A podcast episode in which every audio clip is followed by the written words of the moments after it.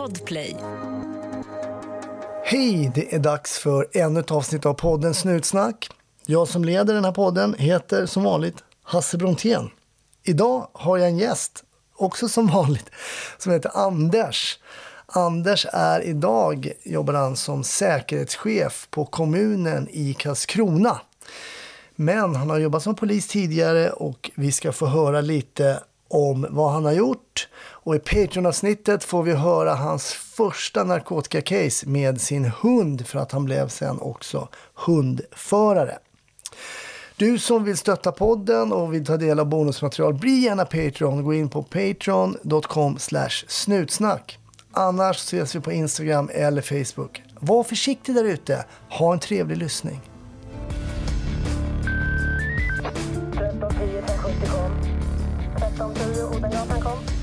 Ja, det är uppfattat. Vi tar det. Slut. Bra. Klart slut. Hjärtligt välkommen till Snutsnack, Anders. Tack så mycket, tack så mycket. Ja, stort tack. Ex-polis Anders. Jajamensan. Numera säkerhetschef, Karlskrona kommun. Ja, du är en av de som har lämnat och då gått över då kan man säga till säkerhetsbranschen och kommunen kanske inte, men det är väl det ändå kanske. Ja, det är, det är ganska mycket samma arbetsuppgifter. Eller inte samma, vi har inget våldskapital på kommunen men eh, i stort sett så jobbar man med mycket brottsförebyggande frågor som jag gjorde på slutet när jag var polis. Men det ska bli intressant att höra varför man lämnar polisyrket och sådär. För det fanns väl en tanke kan jag tänka mig när du började att det här är ett jättespännande jobb och jag kommer aldrig sluta och, och sådär. Men hur var det när du började? Vad hade du för visioner? Ja, när jag började så eh, jag skulle bli narkotikaspanare för jag har ju alltid, jag har ju jobbat som sjuksköterska tidigare inom rättspsykiatrin och sådär så att eh, narkotikan har ju liksom varit min stora eh, motspelare kan man väl säga. Så eh, när jag blev polis då tänkte jag nu ska jag bli narkotikaspanare för jag ska vara med och bidra till ett minskat eh, eller ett narkotikafritt samhälle. Så det var väl ingångs, ingångsvärdena då. Mm. Förutom att man har sett alla snutserier när man växte upp, Baretta och Kojak och allting. nu, hade jag, nu, nu hade jag kunnat vara Kojak för nu har jag inget hår så det hade passat perfekt. Det var klubban som saknades. Ja, en klubba i munnen. Så. Det där är ju stora tankar det där just med ett narkotikafritt samhälle. Eh, hur länge jobbade du någonting med sen med narkotika eller? Ja, eh, det gjorde jag. Vi, eh, när jag ja, du var ju faktiskt en del av det. Du höll ju utbildningar i det här eh, tidiga tecken eller drogtecken och symptom. Så att, eh, då var jag ju, ja, som det hette då, ordningspolis.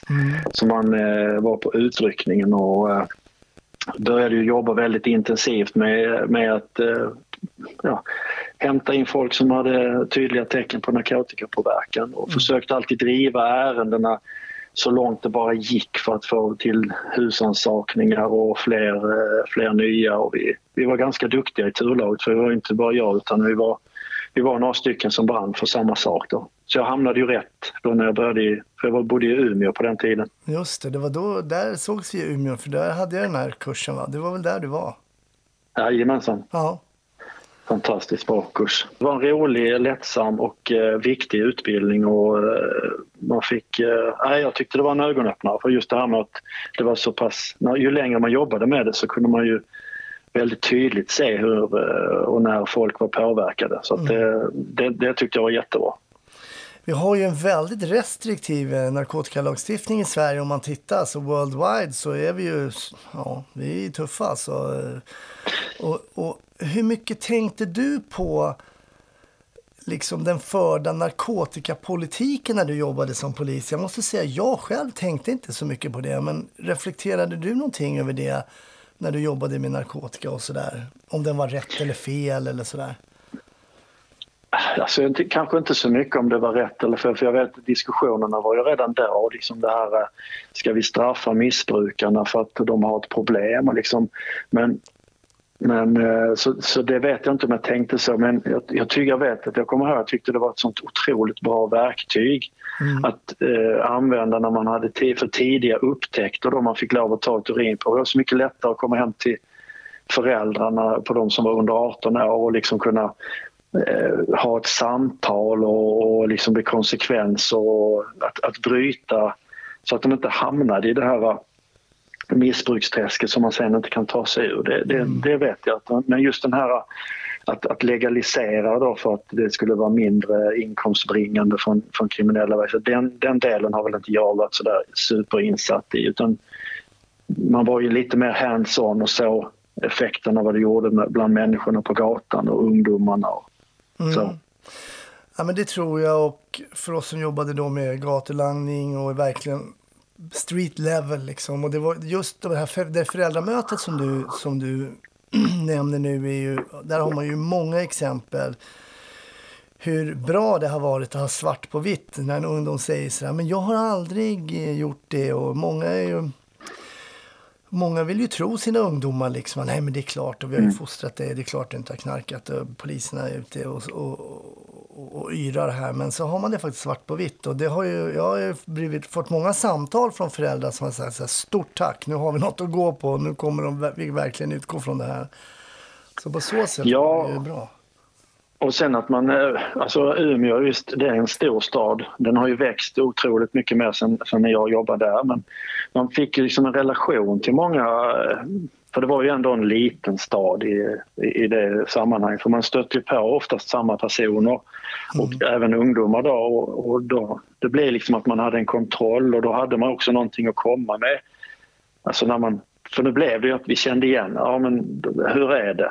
Alltså det är bara det och man kunde dem vid namn. Mm. För de visste att eh, ja, jag kan, det är ingen idé jag ljuger för honom för han har jag redan träffat en gång. Han vet att jag var positiv på amfetamin sist vi träffades. Så det är liksom ett bättre utgångsläge och då, då blir det ju det lite grann den här som, som jag då eh, förespråkar väl kanske lite grann att det ska inte vara lätt att vara missbrukare för vi måste hjälpa dem att komma på själv att det här är inte bra för mig. Jag måste hitta andra vägar för att behandla min ångest eller vad det nu är som driver en och eh, bli nark- eh, alltså missbruka narkotika. Just det.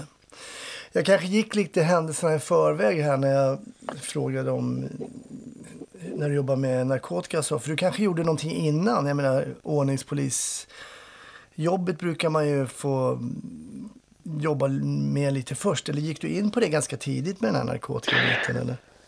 Alltså vi började ganska tidigt eh, när vi kom ut från eh, det var ju då när vi hade GK1 och GK2 så man jobbade ju eh, ett och ett halvt år nästan som polis och eh, det blir ju långa perioder på utryckningen och på krim så man hade ju både halvår så redan när man kom ut som färdig polis när man hade gjort den här GK2 så började man ju liksom, vi var ett antal unga. Eh, Min, min bästa kompis då, Olle Andersson, han är ju chef på utredningsenhet eller utredningssektionen nu i Umeå. Men han, han, han och jag vi hamnade i samma turlag. Vi hade ungefär samma målbild och så här. Så det blev ju att vi drog igång eh, liksom att ja, men det här ska vi jobba med för det förstör så mycket människor. Mm. Eh, och då, på den vägen var det liksom och då, då blev det ett stort intresse. Plus att jag då var sjuksköterska så drev jag ju den, den linjen att fan, jag kan ju ta blodproven på arbetstid och slipper vi ringa in en sköterska var gång det är någon som sitter och nekar att de inte vill lämna pisseprovet. Men vi ska då kunna ta blodprov. Så jag tror jag var, var en av de första sjuksköterskorna i, i uniform som faktiskt tog blodprov i tjänsten. Jag hade ju legitimationen som sjuksköterska har man ju med sig Mm. eh, livslång liksom. Men hur, jag kan bara tänka det när man sitter i, i läkarrummet liksom och säger, "Nej, men jag kan inte kissa, säger, eh, säger den, den här personen då. Nej, nej, det är ingen fara. Så drar du fram liksom nålen där. Ja, hur, ja du- hur precis. la du upp det surret liksom? Att, ja, men jag är även sjuk. Men det, eh, ja, fast det var ganska... eh, För, för de insåg ju själv fördelarna. De, har ju också, eh, vad säger tidsstudiemän inom sin egen bransch. Jag menar, de vill ju ha så lite tid som möjligt hos oss. Mm. Och, och när, och när, eh, ha, när man då la fram det att jag är ju utbildad sjuksköterska, jag hade ju jag hade ju ett särskilt rum och sen hade jag ju min legitimation och visade liksom att jag är sjuksköterska och så här. Och, Mm. så, så blev ju deras tid hos oss den blev ju avsevärt kortare för nu slapp de ju sitta och vänta en halvtimme på att det skulle komma en sjuksköterska till polisstationen och framförallt nattetid då kunde det ta upp till en timme. Här gjorde vi ju det liksom på fem minuter. Det enda de var intresserade var att jag kunde sticka utan att det gjorde allt för jävla ont. Men fick du, måste ha fått, för det, ibland så, vissa saker, alltså du måste se, jag bara föreställer mig en polis som sitter och sticker någon i armen. På något sätt så är det verkligen något man förknippar med en sjuksköterska som har sina, sina kläder på sig liksom. Ja, och vi hade ju den diskussionen och det, det enda vi hade som invändning, jag tror det, det finns säkert dokumenterat det beslutet, jag, jag har det kvar någonstans hemma i lådorna, men det var liksom om, om de sa ifrån att jag fick inte sticka utifrån att jag var polis också, om de hade den synvinkeln eller synpunkten, då skulle vi inte äh, tvinga fram någonting utan då, då, äh, då körde vi. Och det var ingen som hade liksom den eh, synvinkel utan det var de, allra, de flesta, eller allihopa som jag har stuckit under eh, den, den perioden eh, sa att det var helt okej. Okay. Mm.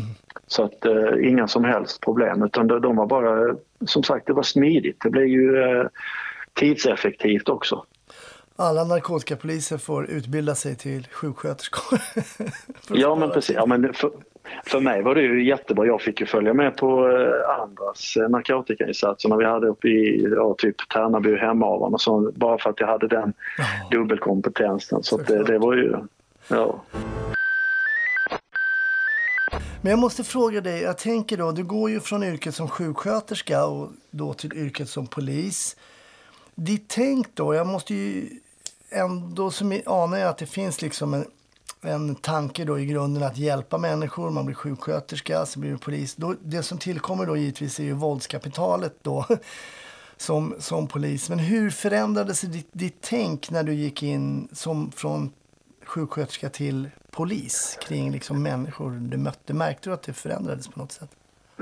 Nej, jag tror faktiskt att den största förändringen gjorde när jag började läsa till sjuksköterska. Jag gjorde min första praktik på en rättspsykiatrisk regionvårdsklinik i Umeå. Det, det var väl där som egentligen den stora förändringen. För sen, sen träffade man ju väldigt många eh, människor i, inom rättspsykiatrin som, som jag sedermera då träffade även som polis. Och då, det är ju, många gånger så träffar du ju eh, de de som har de stora problemen, de finns ju även inom rättspsykiatrin också. Mm. Mm. Alltså med, med den kriminaliteten. Det som ändrades var ju att man träffade mycket mer vanligt folk som hade synpunkter på hur polisen jobbade och mm. hur, hur de skulle jobba och hur, vad vi skulle göra som var viktigt. Och det finns ju väldigt många grupper där som man, man, man skulle generalisera som man har fått ta mer skit av än vad man hade räknat med när man började som polis. Mm. Så det finns ju då alltid sådana besserwissrar och, och Messerschmitts i, i vissa avseenden som jag tycker har behandlat oss som, som, eh, som ordningsmakt betydligt sämre än vad de kriminella har gjort. För där, någonstans fanns det ju ändå, där i alla fall, fanns det ju någon sorts yrkesheder bland dem också kan man ju säga. Bland de kriminella tänker du? Mm. mm. Precis, precis. Ja, men det, vi har väl nämnt det någon gång tror jag, på podden förut, men det är ju fascinerande hur många som vet så mycket om polisyrket trots att de aldrig har satt sin fot kanske ens på en polisstation. Eller, det, det, det är ju imponerande alltså. Så fort ja, det, det är otroligt. en skjutning eller någonting så går folk in på sociala medier och styr upp verksamheten hur det skulle ha gjorts. Ja, precis. Ja. Ja, och, och då, för mig är det förvånande att inte det är fler sökande till polisutbildningen. efter, efter det finns så mycket kompetens där ute i samhället som inte, som inte söker. Liksom. Men okej, okay, hur, hur, um, hur länge var du och jobbade med de här sakerna då? Med narkotikabiten och det? Hur, hur länge höll du på med det? Ja, det höll jag, jag har ju nästan hållit på med det hela min, eh, min yrkesverksamma poliskarriär. Mm. I olika omfattningar då. Eh, man säger för sen blev jag ju hundförare och det var ju också ett, ett, ett steg liksom att ja, vi var med en hundförare, vi, eller vi, vi initierade ju ett ärende en gång där så, så, så blev ju fick, fick eh, mitt intresse för hundföreriet och då sa jag fan här kan man ju komma längre och börja jobba med narkotika med hunden också mm. och liksom bli ännu vassare i, eh, i det här då. Blev du hundförare när du jobbade uppe i Umeå eller var det när du hade flyttat? Nej, jag flyttade faktiskt för att jag ville ha hundförartjänst och då hade de inga lediga i, eh, i Umeå då, utan då, då hade jag väl lite hemlängtan också lite grann så då öppnade, öppnade upp sig en möjlighet i Blekinge, i Karlshamn en hundförartjänst där. Så då, då sökte jag den och så fick jag den och så började jag ju som hundförare då 2001 nere i Blekinge. Hur skiljer det sig att jobba, om vi, innan jag frågar om hundföreriet, men hur skiljer det sig att jobba i Umeå kontra i Blekinge? Alltså i Västerbotten då kontra Blekinge. Kan du se några, finns det några skillnader i folks liksom, eh, sätt att vara eller sådär? Alltså det rent generella det är väl att eh, Umeå är som Lund och Göteborg och Stockholm och Linköping är ju stora universitetsstäder. Mm. Det tycker jag väl är väl, jag vill inte signifikant för Blekinge just men, eller eh, kontra Umeå utan det är ju mer det här att man, man, man har en, en eh, högutbildade som är i, eh, det kan ju vara en utmaning ibland. Eh, att, att möta den typen, den, den utmaningen kanske inte var lika tydlig när man kom till Blekinge så sett då med, med att man har en universitetsstad. Det var ju mer, här är det lite mer, i alla fall i den delen jag var då, i, lite mer arbetare med i stora industrier och så. Och det har ju kanske lite, upplevde jag det i alla fall, att man till exempel berusningsgraden kanske var aningen högre i, i uh, Blekinge som helhet då, i förhållande till, till uh, Umeå. Mm. Blekinge var ju känt då. Jag menar, Ronnebygatan i Karlskrona 2004 var ju en av Sveriges tre farligaste gator att bevistas på. Det var ju starkt kopplat till en hög alkoholkonsumtion, Mm. bland annat. Då. Mm. Att, eh, det var väl den stora skillnaden. Annars så, eh, ja, förutom att det är andra årstider och att det är kustnära och, och att jag har närmare till min hemstad Malmö och med allt vad det innebär med hockey och så, så, så är det ju eh, var det inte så, så vansinnigt stora skillnader. Man jobbar ju ändå, även om inte vi var en polismyndighet eh, som vi är idag då, eller de är idag, så eh, jobbar man ju ändå på ett ungefär likartat sätt. Då. Tack vare att man hade ju gått på samma utbildningsställe. Det, det var ju innan eh, man öppnade upp de andra polisskolorna då. Just det, precis. Men att gå från um, ordningen då, då till eh, att utbilda sig som hundförare, hur var det då? Var det som du hade tänkt dig? Ja, det var det. Förutom att den hunden jag fick, han, han var inte lämplig för narkotikasök. alltså dina drömmar gick upp i kras. Ja, men lite så. Men samtidigt så, eh, alltså man kan ju hitta narkotika. eh, Man kan ju hitta narkotika med sin hund utan att ha narkotika. Jag menar, har, har en människa tagit på föremålet och liksom slängt i skogen så behöver du inte ha narkotika på din hund utan då räcker det att du har eh, påvisande markering på föremål. Då Ja, hittar du hunden det ändå. Så att, eh, det är ju mer om man ska liksom vässa till det tycker jag då i alla fall. Nu har det säkert hänt jättemycket sen jag var hundförare så att, eh, jag ska inte trampa några hundförare på tårna här genom att säga hur saker och ting är. Men då eh, kunde man ju hitta narkotika ute i naturen i alla fall även om man hade eh, vanlig sökhund som jag hade då, eller patrullhund som det då kallas. Mm. Sen vill man då vässa till det på preparat, ja men då kan man leta i bilar och, och kanske i, i, i inomhuslokaler och utrymmen där, där man har speciellt och leta efter visst, eh, visst eh, typ av narkotika. Så. Just det. Men vad var din första hund bra på då? Om det inte var just att sniffa upp eh, narkotika som sådan? Ja, han, han var bra på att bita husse. Han var, han var, eh, nej, men han var, han var ganska duktig spårhund. Var han. han hade ett, ett väldigt bra driv. Så att mina, mina, mina bästa jobb kan man väl säga det är ju med spårning. Och eh, i visst mån då föremål också. För jag har ju hittat eh, narkotika eh, i olika sammanhang ute i naturen då. Tack vare att eh, han är, var ganska driftig och driven, hunden. Men hur är det att börja jobba? För att som hundförare sitter du ju mer själv i bilen då, givetvis med hunden. Men det blir ju ett annat sätt att jobba på, att vara kanske lite mer själv så att säga. Hur, hur funkade det för dig då? Jag tyckte det var jätteskönt.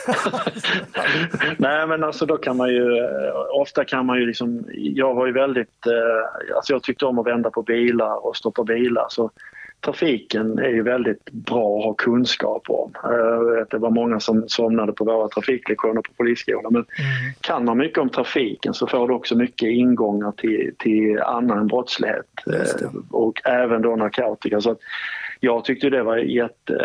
Alltså då körde man ju själv. Då behöver man liksom inte sitta och säga ja men du vänd på den bilen. Alltså, utan då hade jag redan bestämt mig långt tidigare så man liksom kunde komma ifatt dem. Och det blir ju mycket, visst det blir mycket, många rattfyllor också men det är också sånt som vi ska bekämpa. Men, Och det kanske en hel del ordningsböter också för den delen. Men det blev också mycket biljakt och mycket folk som sprang från sina bilar och att, att, att det blev liksom nystades upp eh, bilstölder, eh, narkotikabrott, eh, olovliga körningar, stölder och allt vad du nu kan mm. komma att tänka på. Liksom.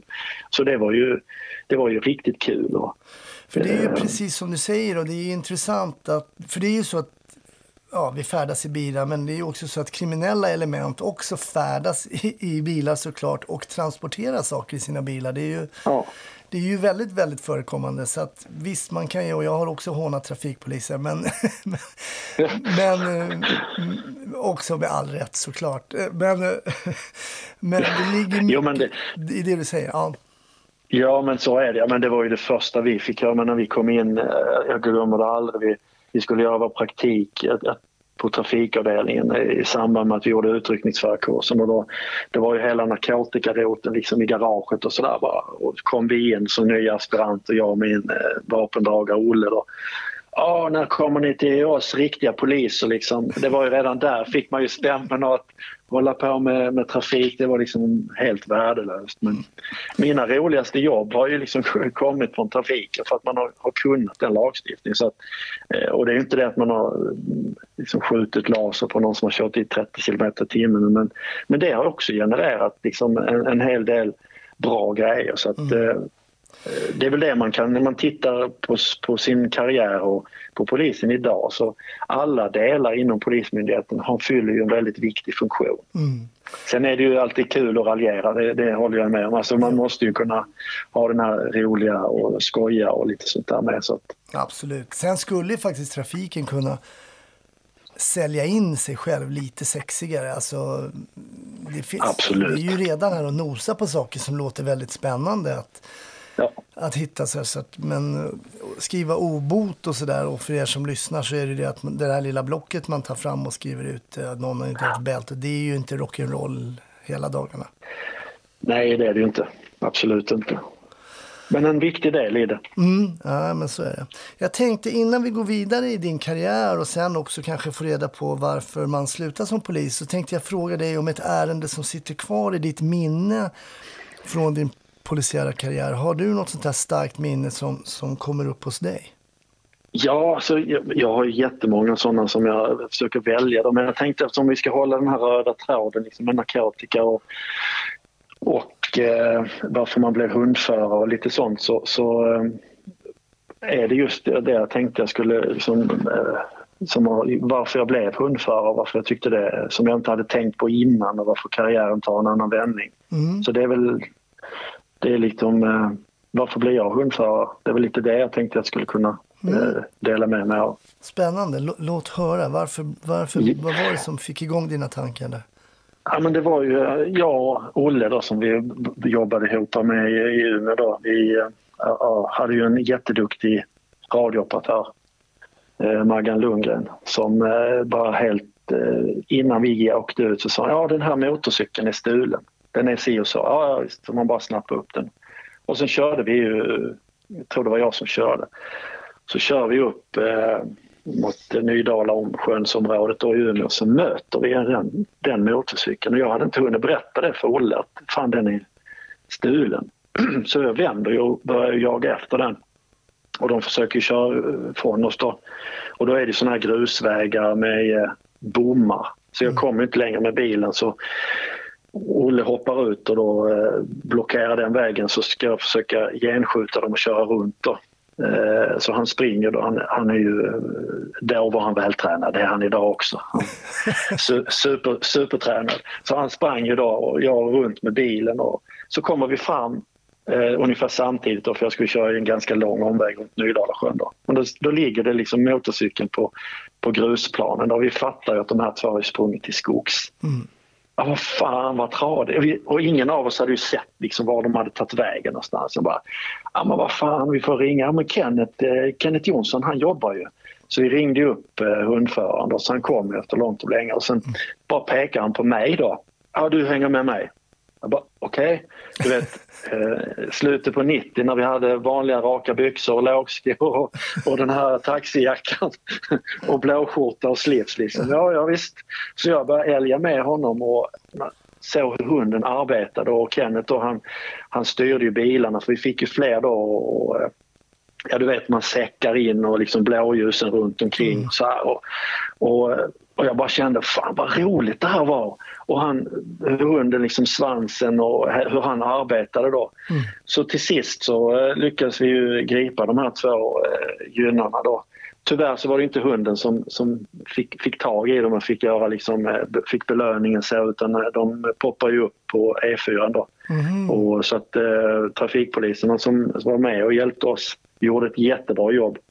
Eh, som fick, fick gripa dem då. Så det var väl kanske lite synd. Då. Men jag blev ju helt sugen. Jag tänkte fan, här kan man ju komma. Tänk om jag hade haft hunden i bilen och liksom, mm. då skulle man ju kunna fortsatt direkt. Och, du vet, man börjar tänka sådär. Och sen då hade jag ju det där med, med att jag visste att hundar också sökte efter narkotika. Så det var liksom inkörsporten. Inte sådär superspännande ärende så kanske men det var liksom in, in, mm. ingången till varför jag ville bli hundförare. Så för det var superkul var det. Men jag tänker att du hade ju teoretiskt de här kunskaperna redan innan, men du menar på att det var just den här praktiska händelsen som fick dig att uppleva någonting nytt som du inte riktigt, jag säger inte att du inte hade förstått det, men alltså, alltså att, att, det, att liksom det sköt till en ny form av upplevelse i dig som gjorde att du tänkte att Nej, men nu ska jag kunna tänka mig att jobba som hundförare.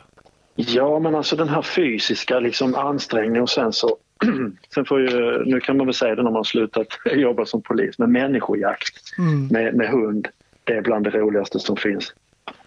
Alltså sån här eh, när man kommer och de säger det är tio minuter sen de sprang. Det är, jag vet inte eh, vad som är bättre än det. Men alltså det är, det är fantastiskt kul. Om man ser hur liksom hunden suger i spåret och det bär iväg. Och man, man får springa och, och fysiskt och man, man kan börja se på hunden att man börjar närma sig eh, gärningspersonerna och rätt för det så hör man en knä, gren knäckas lite längre in i skogen då och det är mörkt. Alltså det, är, det är superkul. Det, var, det är jätteroligt. Är det. Mm, mm. Nej, men det är någonting med att, att jaga bovar som är väldigt spännande. Det ska man väl inte ja. sticka under stol med? Nej. Nej, nej så är det. Och det var ju också att jag alltid tyckte att det varit en ynnest att få, få gripa liksom bovar också. Och, så att de får ta sitt straff liksom. Det, ja. det, det har alltid känts eh, väldigt, väldigt bra, tycker jag.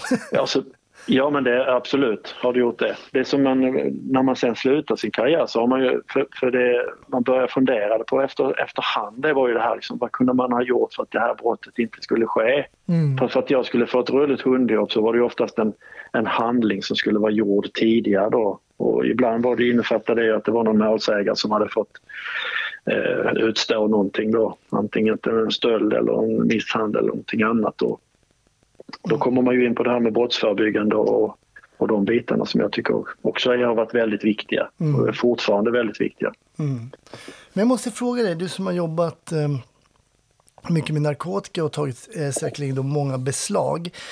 Den frågan har jag också fått eh, några gånger själv eftersom jag också jobbat mycket med det. Ditt beslag, alltså som du kommer ihåg som mest, är det alltid det som har mest mängd? Eller vad är det för beslag? Om jag säger så här, vilket var ditt beslag som du kommer ihåg? Alltså ett beslag bara av narkotika. Är det i mängd som sitter fast i ditt minne eller är det eh, tack vare någonting annat som du kommer ihåg det? Nej, det är ju tack vare någonting annat, det är inte mängden. Nej. Men det var ju också en sån där, jag menar, vi var ju väldigt aktiva som poliser eh, och man, man var ju väldigt intresserad av sitt jobb. Eh, och det kanske före detta frun kan intyga. Eh, eftersom man, man, man oftast man är en viss människotyp tror jag som är väldigt eh, intresserad och tar alla tillfällen i akt. Men jag menar, på fritiden så, ja, ett tillfälle i Umeå där jag och en annan kollega vi var med våra barn då, som skulle leka i parken och jag var där med min nyinköpta hund.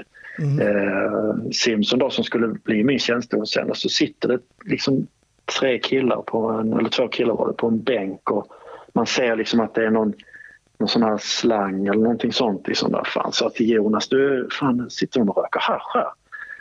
Så vi började konfrontera dem liksom, och helt plötsligt så, så har vi beslag av eh, några amfetaminpåsar, ett, ett par tre haschbitar och, och en, eh, en säljare och, och en köpare. Liksom. Mm. Bara sådär. Mm. För att liksom ropa dit mer folk och få komma in och sånt mm. Det, det är ju inte det stora beslaget. Nej. Men det är ju en, en, en nybliven missbrukare som, som, och säljare som liksom har börjat och som åker dit och som, nu vet jag inte hur, hur det har gått men förhoppningen är att han tidigt fick en näsbränna att oj shit det här var inget bra. Nej. Nej, men det, där, det var precis det som jag faktiskt var ute efter lite grann. Att det är sällan om man frågar en narkotikapolis att det är just att nej, men det var den gången vi tog den största mängden. Utan det är faktiskt de här små grejerna och som i det här fallet eh, till och med på fritiden vilket jag också gjort en del bra och en del mindre bra ingripande på fritiden. men, ja. eh, men eh, som gör intressant och som sätter det där extra liksom kryddan till ett kanske inte så stort ärende men ett minnesvärt liksom ärende. Ja. Sen, sen tycker jag det är så roligt för man pratar mycket så att vi ska jobba evidensbaserat. Det har ju säkert du också hört. Liksom. Mm. Men har man, har man någon gång, jag tänker på de här stora narkotikarotlarna då som, som är ute efter de här stora fiskarna. Jag säger inte att man ska sluta med det arbetssättet men, men ibland måste man liksom titta på sin egen organisation och egen verksamhet också. lite så här. Alltså hur mycket påverkan har det gjort på narkotikahanteringen i världen? Mm. De här stora beslagen, mm. stora narkotikahärvorna som binder fast utredare i, i år innan man liksom kommer till domstolen, människor som är häktade. Ja, just de kanske inte begår brott men de, hinner inte heller vara ute och spana på nya och så här. Så det hade ju varit lite kul att se över tid. Liksom vad, hur, hur stor påverkan har de här stora beslagen påverkat den, den generella narkotikaförsäljningen överlag? Mm. Inte bara då i närtid utan över tid. Är det så att vi hade kanske skulle jobba på något annat sätt eller så? Det hade jag tyckt var lite spännande att titta på faktiskt. Men Just det, och man läser hur mycket som kommer in och hur ja, lite som kanske tas i beslag, hur mycket det påverkas. Ja, det är en stor fråga det här just med narkotikalagstiftning ja, och så här. Jag tänkte höra med dig hur karriären liksom fortsatte och hur, när kommer det in tankar på att man eventuellt, jag menar du beskriver ju här att du är en väldigt engagerad polis och eh, liksom gillar yrket och så. Men när, när började det ploppa upp tankar om att kanske det finns en värld utanför Polismyndigheten? Ja, alltså ehm, jag valde ju 2007 är det väl, då valde jag ju eh, befälskarriären så då, då sökte jag ju som yttre befäl och fick ju den tjänsten när vi gick ju in i en eh, gemensam ledningscentralsfunktion hos eh, med Skåne då, så att Malmö skötte vår ledningscentral. Mm. Och då skulle man utbilda nya yttre befäl då med, med en annan eh, förundersökningsledning. Så vi hade ju väldigt långtgående befogenheter som, som yttre befäl vilket var väldigt roligt då för man kunde gå väldigt långt med, med sina ärenden ute på plats då. Så då valde jag ju lite grann chefsspåret och sen blev det inre befäl och sen då väcktes tanken på närpolisverksamheten och jag sökte chefsjobbet som närpolischef i Karlskrona och fick det. Och jobbade ju fram till 2015 då, när vi blev en polismyndighet och var ju med i de här grupperna hur den nya polismyndigheten skulle utformas, att det skulle bli mer lokalt och vi skulle jobba ännu mer och vi jobb, jobbade ju väldigt mycket så, så jag kände ju att och äntligen blir det liksom jättebra. Man kan göra egna insatser, man kan jobba med de lokala problembilderna och så vidare. Mm. Sen blev det ju någon, någon som fick en karta som de läste helt tokigt. Eh, tycker jag då. För Polismyndigheten blev inte det jag hade tänkt mig utan nu kändes det som ibland att vi i Karlskrona var bara en personalreserv till, till uh, närliggande större städer då. Ja, Malmö okay. till exempel. Mm, mm. Så att man tog liksom, och så var det den här uh, gränskontrollerna som blev där och, och vi kunde inte utföra vårt arbete som vi skulle. Jag blev kommunpolis och i samma veva där så jag var inte missnöjd på mitt arbete, absolut inte. Jag, jag eh, drevs ju fortfarande av samma visioner och så med, med det brottsförebyggande. Men det kom upp en tjänst som säkerhetschef på Karlskrona kommun. Där, så bara frågade hon som var det där som hade jobbat som det och skulle gå i pension. Sa du, skulle inte du vara intresserad av att söka den här tjänsten? Liksom bara, Ja, ja, ja alltså, skulle jag sluta som polis? Ja, ja. alltså, hallå. Eh, men jag gick och funderade och tänkte och sånt. Om man, eh, man är 49 år gammal, hur, snart är man liksom inte attraktiv. Hur länge vågar man prova något annat? Polisen, kommer den att försvinna? Nej, svar nej, det kommer den väl inte att göra. Ja, jag chansar. Jag, jag chansar och söker och sen så kan jag ju ta ställning till om jag vill sluta eller inte när, om jag nu skulle få det, för jag trodde inte att jag skulle få det. Men... Och sen så fick man ju då, eh, blev jag ju erbjuden funktionen och så tänkte jag, ja men vi testar väl ett halvår och ser hur det är att vara utan uniform och eh, jobba liksom med.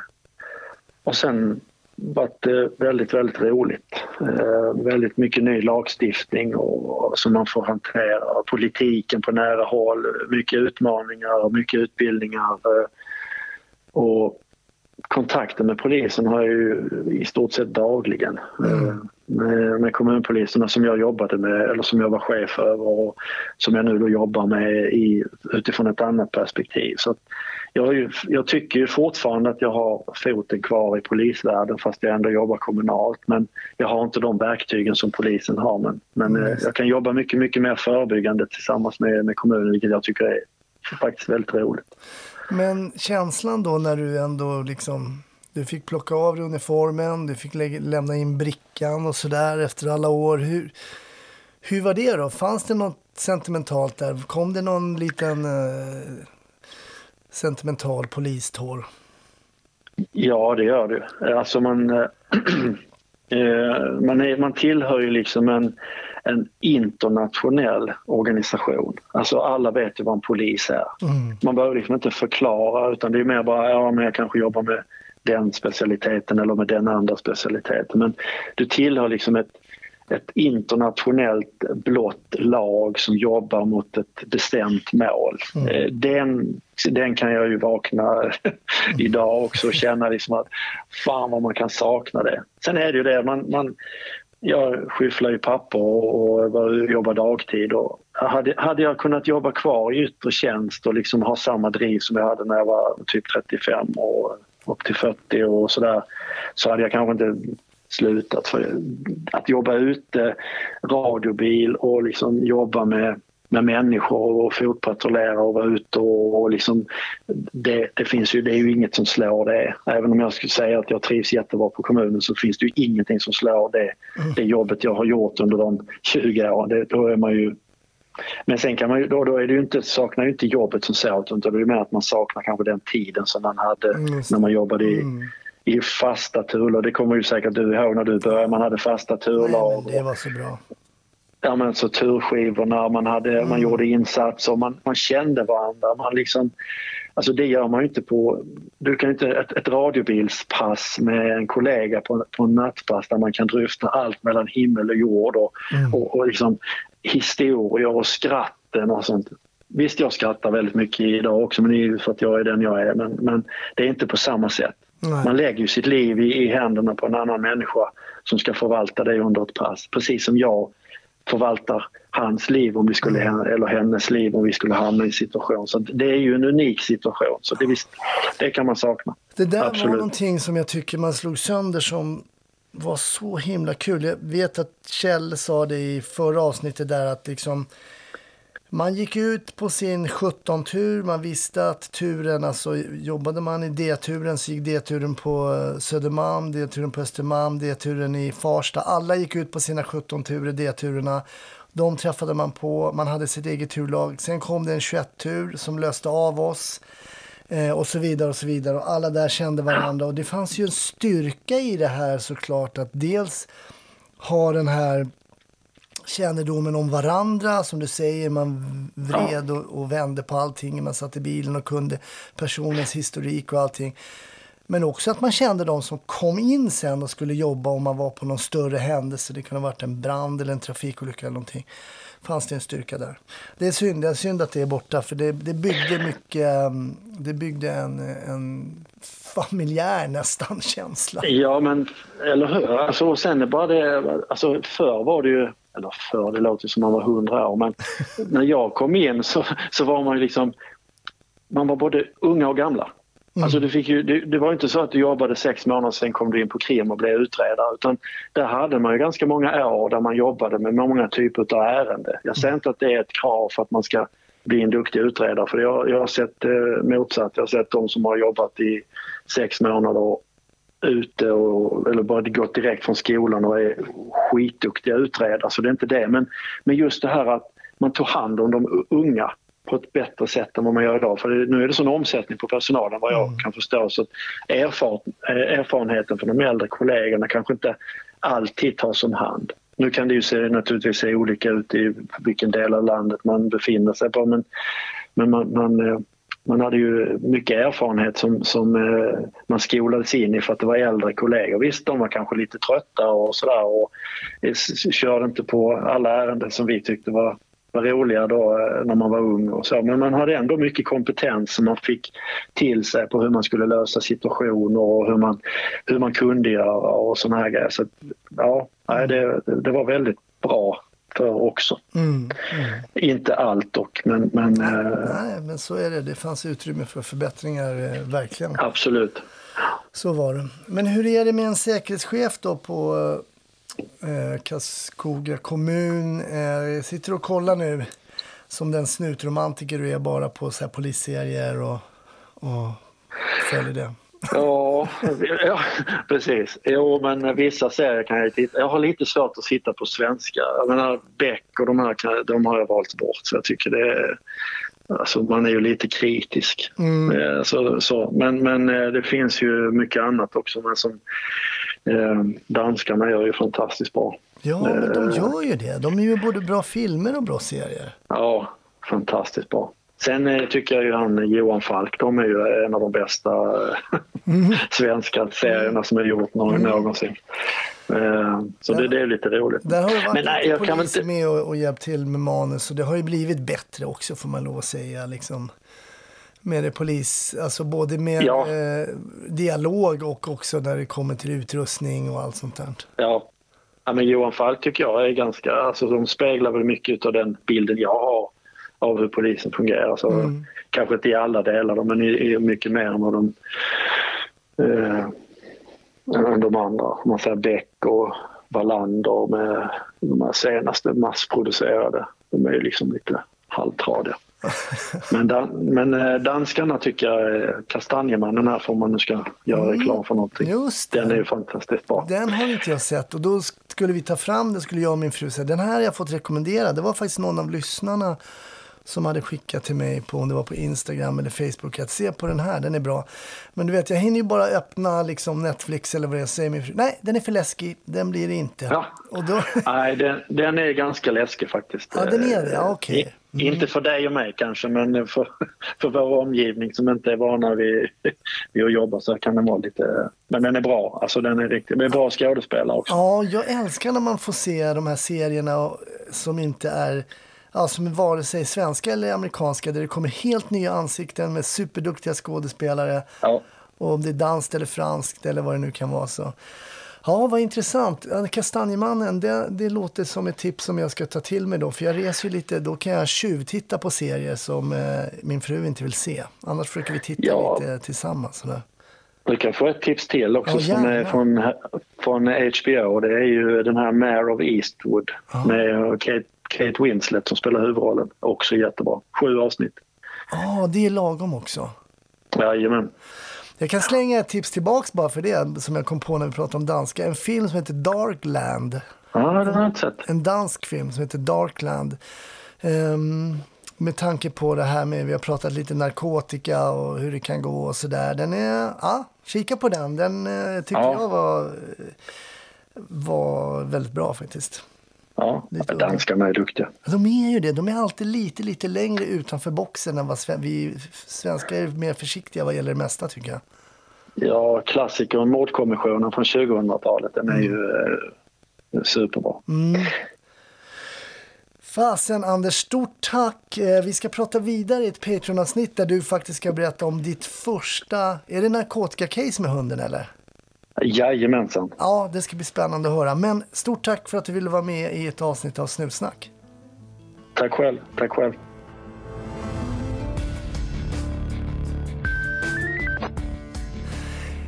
Tack för att du har lyssnat på Snutsnack. Nu är dagens avsnitt över, men det kommer ju såklart ett nytt i nästa.